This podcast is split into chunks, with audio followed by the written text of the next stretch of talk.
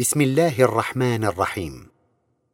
الحمد لله رب العالمين. والصلاة والسلام على سيدنا محمد المبعوث رحمة للعالمين. أما بعد. لازلنا نتحدث في تأويل سورة الفاتحة. تحدثنا في الحلقة السابقة في شرح أولى آياتها الكريمة. وبينا طرفا من معنى كلمة الحمد لله رب العالمين.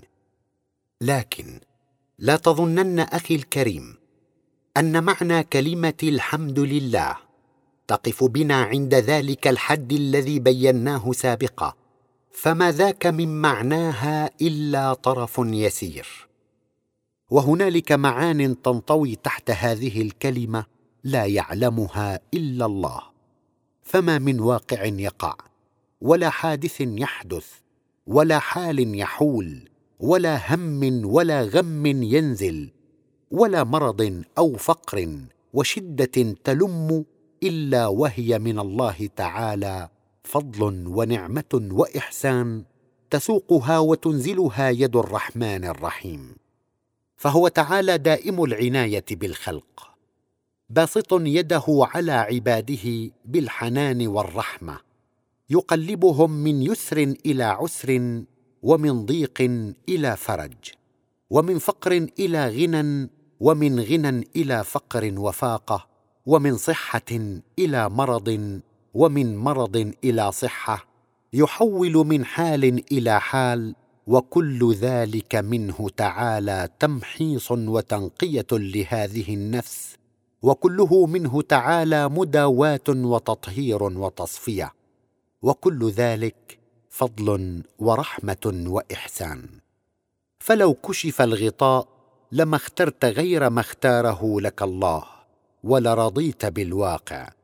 قال تعالى في سورة البقرة وعسى أن تكرهوا شيئا وهو خير لكم وعسى أن تحبوا شيئا وهو شر لكم والله يعلم وأنتم لا تعلمون. وفي الصبر على ما تكره خير كثير. قال تعالى في سورة البقرة أيضا ولنبلونكم بشيء من الخوف والجوع ونقص من الأموال والأنفس والثمرات وبشر الصابرين الذين إذا أصابتهم مصيبة قالوا إنا لله وإنا إليه راجعون. أولئك عليهم صلوات من ربهم ورحمة. وأولئك هم المهتدون. فالمؤمن إذا أصابته المصيبة وحاقت به الشدة صبر واستسلم لأنه يعلم أن يد الحنان المنان إنما أنزلت به ما أنزلت من شدة فكيف لا يرضى وكيف لا يستسلم؟ إنه يرضى ويستسلم لأنه يعلم رحمة الله ويعلم حنان الله ويرى عناية الله. عنايته تعالى التي خلقت ما في الأرض وما في السماوات لهذا الإنسان. عنايته تعالى التي سخرت الشمس وسخرت القمر دائبين وسخرت الليل والنهار والأنهار والبحار. وخلقت من فواكه وأثمار ونباتات وأزهار وسهول وجبال ومآكل ومشارب ولذائذ. خلقت كل ذلك وتخلق على الدوام فضلا ومنة ورعاية لهذا الإنسان. إنه يرى تلك العناية الإلهية المحيطة به القائمة على هذا الكون كله والمشرفة عليه كله. إنه يرى دوام العناية الإلهية عليه في الليل والنهار وفي كل لحظة من اللحظات.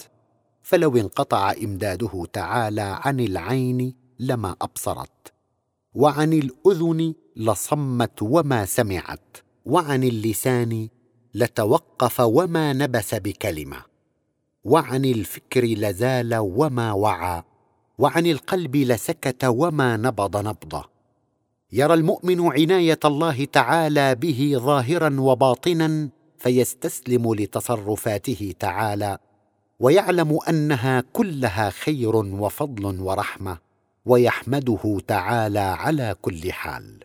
على أن كلمه الحمد لله رب العالمين ليست فيما وردت عليه الآن في سورة الفاتحة اعترافا من المصلي يعترف به.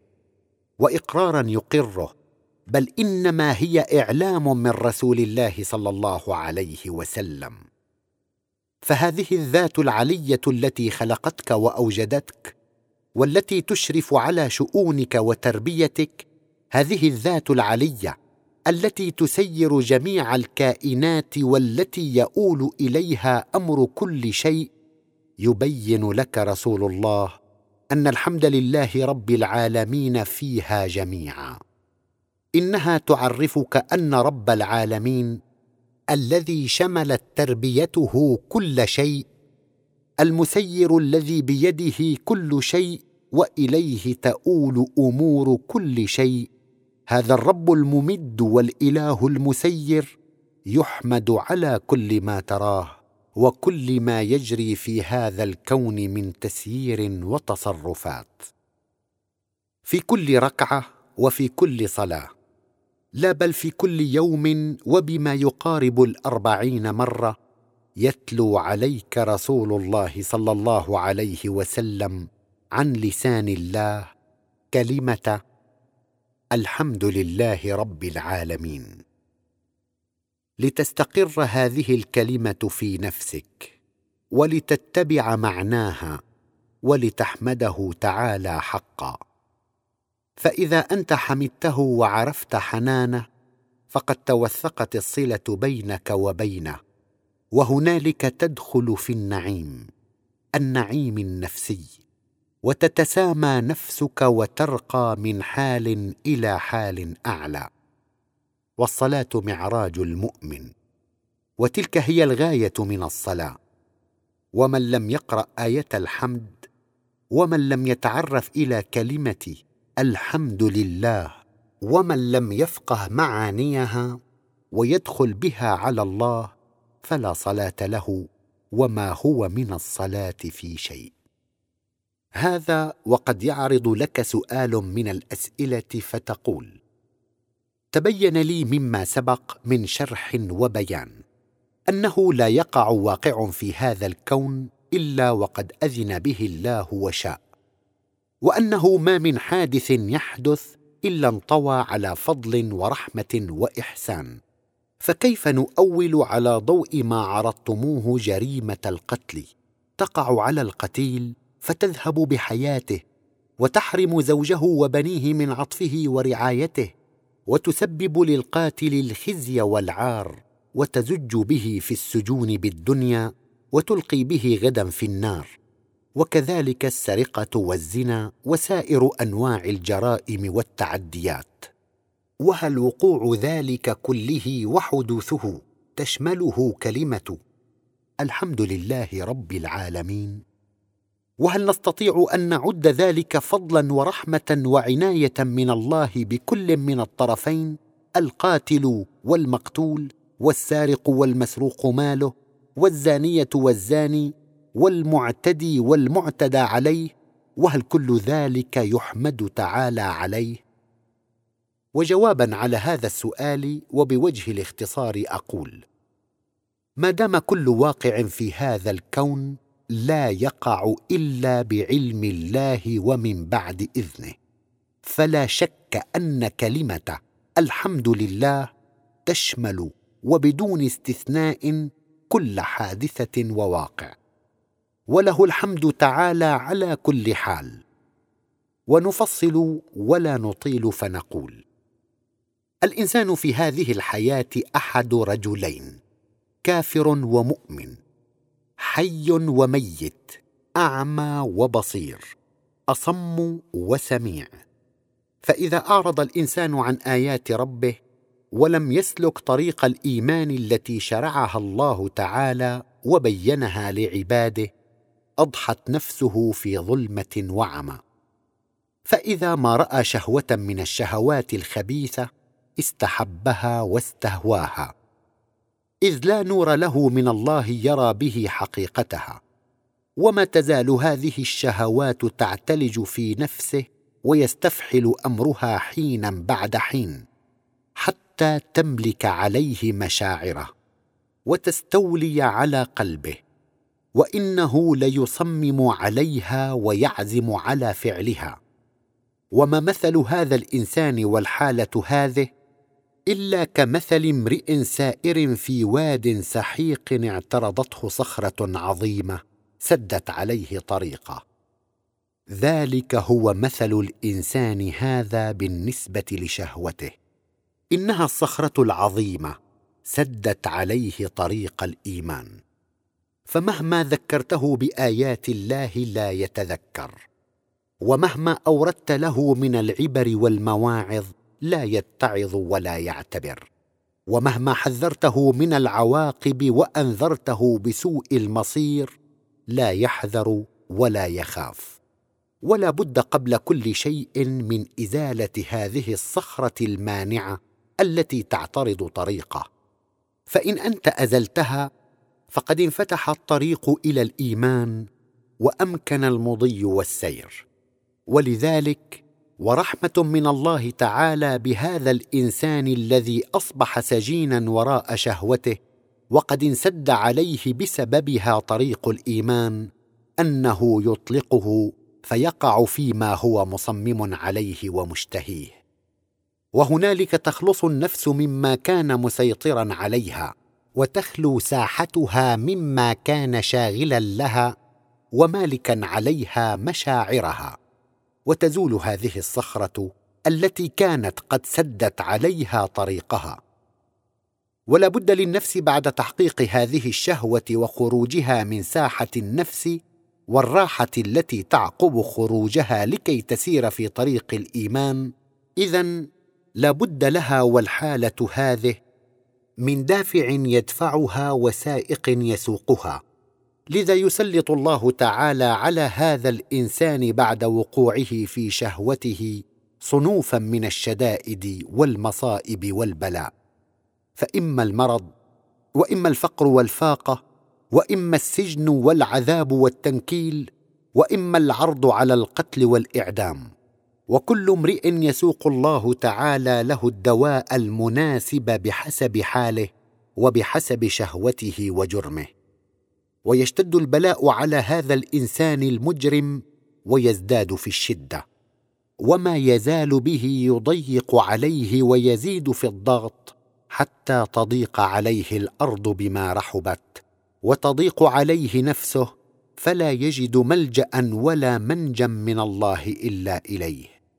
وهنالك تستسلم النفس إلى الله وتعلم أن ما أصابها من الشدة والبلاء إن هو إلا بما كسبت يداها وبسبب ما وقعت فيه من إجرام. وتصدق وما أسرع ما تنكشف لها الحقيقة الا إله إلا الله وأن الفعل كله بيد الله وأن الشدة التي حاقت بها إن هي إلا محض رحمة وفضل وإحسان من الله فتشكر الله على البلاء. وتشكره على ما ساق لها من العذاب الأدنى دون العذاب الأكبر.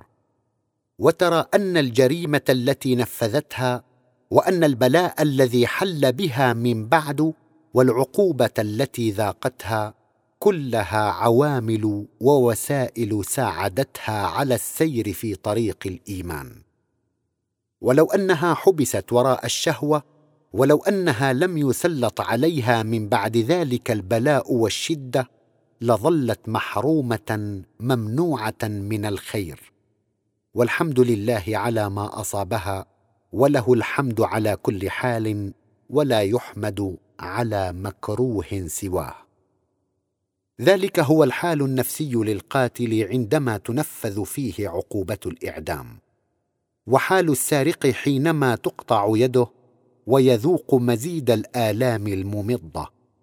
ذلك هو حاله إن رجع للتفكير حال البلاء والشدة.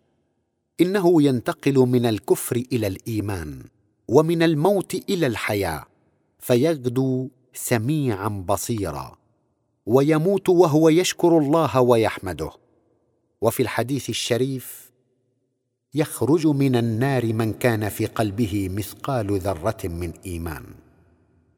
أما إذا خرجت الشهوة وحاق من بعدها البلاء والشدة وظل هذا التفكير خامدا فلا بد والحالة هذه من شدة أعظم وبلاء أكبر. قال تعالى في سورة الرعد ولا يزال الذين كفروا تصيبهم بما صنعوا قارعة أو تحل قريبا من دارهم حتى يأتي وعد الله. إن الله لا يخلف الميعاد. وإن لم تفد هذه العلاجات كلها فالمصير حتما إلى النار ونعوذ بالله من مصير أهل النار. وحيث أني شرحت من قبل ما يحل بأهل الجرائم في النار يوم القيامة وبينت أنهم يومئذ يرتمون بالنار ليخلصوا من خزيهم وعارهم وإنهم إذ ذاك يحمدون الله تعالى على ما يداويهم به فيها. فلا حاجة هنا للتفصيل عن أحوالهم بها. تلك هي رحمة الله تعالى ونعمته وفضله ومنته على المعرضين من بني الإنسان. تنبت الشهوة في أنفسهم بسبب إعراضهم. ويزين الله تعالى لهم أعمالهم فيقتل القاتل ويسرق السارق ويزني الزاني ويجرم المجرم. ثم تكون الشدة والمداواه وتخلص تلك الأنفس إن هي رجعت إلى الله مما كان بها من جرثوم الشهوات وتدخل في حصيرة الإيمان وتحمد الله على ما عالجها به من علاجات. أما بالنسبة للمقتول وزوجه وبنيه والمسروق ماله والمعتدى عليه فلا تظنن أن الذي اعتلجت في نفسه جريمة القتل أو السرقة أو الزنا والتعدي يستطيع أن يسرق أو يعتدي على أي إنسان أراد. فالله سبحانه هو المهيمن والمشرف وهو الحكيم العليم. قال تعالى في سورة هود ما من دابه الا هو اخذ بناصيتها ان ربي على صراط مستقيم فاذا انتهى أجل المرء وكان من الحكمه والخير ان يموت هذا الذي انتهى اجله قتلا وبهذه الصورة الرهيبه ساق الله تعالى القاتل إليه وجعل تنفيذ جريمته عليه. وهنالك تكون الشدة التي تقع على المقتول ساعة إذن دواء لنفسه وعلاجا إذ أنه لا بد أن يكون من قبل قاتلا فنال جزاءه. وجزاء سيئة سيئة مثلها. أو أن له من الأعمال السابقة ما اقتضى أن يكون موته بهذه الصورة. فلعله إذا هو التجأ وأناب تطهر نفسه وتخلص مما بها من ادران قال تعالى في سورة البقرة ولكم في القصاص حياه يا اولي الالباب لعلكم تتقون وكذلك الأمر بالنسبة للمسروق ماله والمعتدى عليه. لا بد أن كلا منهما سبق أن ظلم فأعاد الله تعالى عمله عليه. قال تعالى في سورة الأنعام وكذلك نولي بعض الظالمين بعضا بما كانوا يكسبون. حتى أن الزاني الخبيث لا يقع عمله وعدوانه ولا ينفذ شهوته إلا على امرأة فاجرة خبثت نفسها وتطلبت هي أيضا الفاحشة. قال تعالى في سورة النور الزاني لا ينكح إلا زانية أو مشركة والزانية والزانية لا ينكحها إلا زان أو مشرك. وحرم ذلك على المؤمنين. وهكذا فهذه الذات العلية قائمة على الكون بالقسط وبيدها نواصي الخلق تسيرها بالحق. وما من واقع يقع إلا من بعد إذنه. ولله الحمد على كل ما يسوقه لعباده. قال تعالى في سورة الرعد وكل شيء عنده بمقدار. عالم الغيب والشهادة الكبير المتعال. فإن أنت أردت ألا يعتدي معتد عليك فاستقم كما أمرت. وإن أنت شذذت وبغيت فارتقب وقوع البلاء والشدة من بعد الرخاء. والله لا يغير ما بقوم حتى يغيروا ما بأنفسهم. ومن زكى نفسه وسلك بها طريق الإيمان فقد أفلح وفاز. ومن أعرض عن طريق الإيمان ودس نفسه فقد خاب وما الحياة الدنيا إلا متاع الغرور. والحمد لله على كل حال وعلى كل ما يسوقه لكل امرئ بأكمل ما يناسبه. وصلنا اليوم إلى نهاية حلقتنا ونتابع تأويلنا لآيات فاتحة الكتاب في الحلقة القادمة إن شاء الله. والسلام عليكم ورحمة الله وبركاته.